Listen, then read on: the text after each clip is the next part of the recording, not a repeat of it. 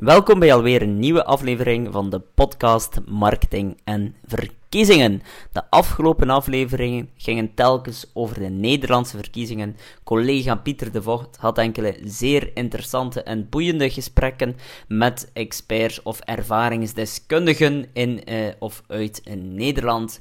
En deze gesprekken lagen volledig in lijn met wat er vandaag officieel is bevestigd. En vandaag zijn we voor alle duidelijkheid 30 april. Maar vandaag is dus officieel bevestigd dat de lokale verkiezingen, eh, dat bij de lokale verkiezingen de opkomstplicht verdwijnt en burgemeesters rechtstreeks worden verkozen. Dit thema en eh, ja, de, uh, ja, en alles daar rond, daar zijn we al enkele maanden mee bezig. Vandaar ook dat we de afgelopen weken ook gefocust hebben op die Nederlandse verkiezingen, omdat in Nederland als ook in Amerika, de opkomstplicht al langer, eh, of, of toch al langer, eh, al veel langer, eh, als we dan spreken over Nederland bijvoorbeeld, of Amerika, daar is er geen opkomstplicht voor alle duidelijkheid. Dus het eh, is zeer relevant om eens over het muurtje te kijken, en wij hebben dat ook de afgelopen maanden gedaan. We hebben heel wat onderzoek gedaan, heel veel papers gelezen, heel wat onderzoek ook naar hoe werkt een campagne zonder opkomstplicht.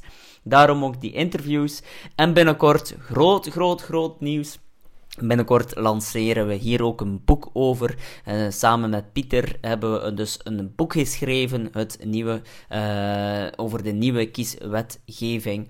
En uh, dat komt normaal gezien binnenkort uit. En nu dat het officieel is, kunnen we daar ook wel mee uitpakken. Dat is heel fijn. We hebben daar ook een eigen model voor ontwikkeld, het COLA-model. Het model dat staat voor klikken, overtuigen, liefhebben en aanbevelen. En dat zal eigenlijk de essentie zijn van een goede campagne, en waarbij er dus geen opkomstplicht is. En een goede campagne die start, zoals ik altijd zeg, uh, niet morgen, niet vandaag, maar die start gisteren. En nu dat de opkomstplicht verdwijnt, zal dit nog zoveel belangrijker zijn. Want nu zal je, voor, nu zal je ook campagnes kunnen winnen zonder dat je, uh, of nu zal je campagnes kunnen winnen door gewoon meer mensen naar de stembus te krijgen.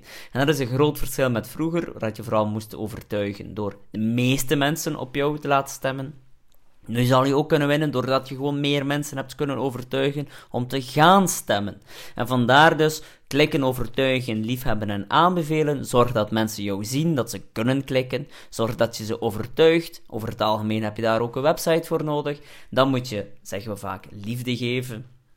Dat kan door uh, mensen uh, een community opbouwen, uh, extra informatie geven, een band opbouwen met de mensen. En dan creëer je uh, ambassadeurs die jou willen aanbevelen. En dat proces, dat implementeren, dat moet je zo snel mogelijk doen. Hè. Aan je community werken, dat moet je zo snel mogelijk doen. Want hoe groter de community, hoe meer mensen, ambassadeurs, hè, hoe meer ambassadeurs die hun netwerk zullen warm maken om op jou te stemmen. En dat is de key, uh, dat is de sleutel tot succes bij de volgende verkiezingen. En weldra gaan we daar nog veel meer podcast over maken. Maar uh, ja, bij deze eh, heet van de naald wilden je toch al op de hoogte brengen. Dus als je daar meer informatie over wenst, dan mag je ons steeds contacteren. Dus weldra meer en hopelijk tot binnenkort. Tot de volgende. Ciao.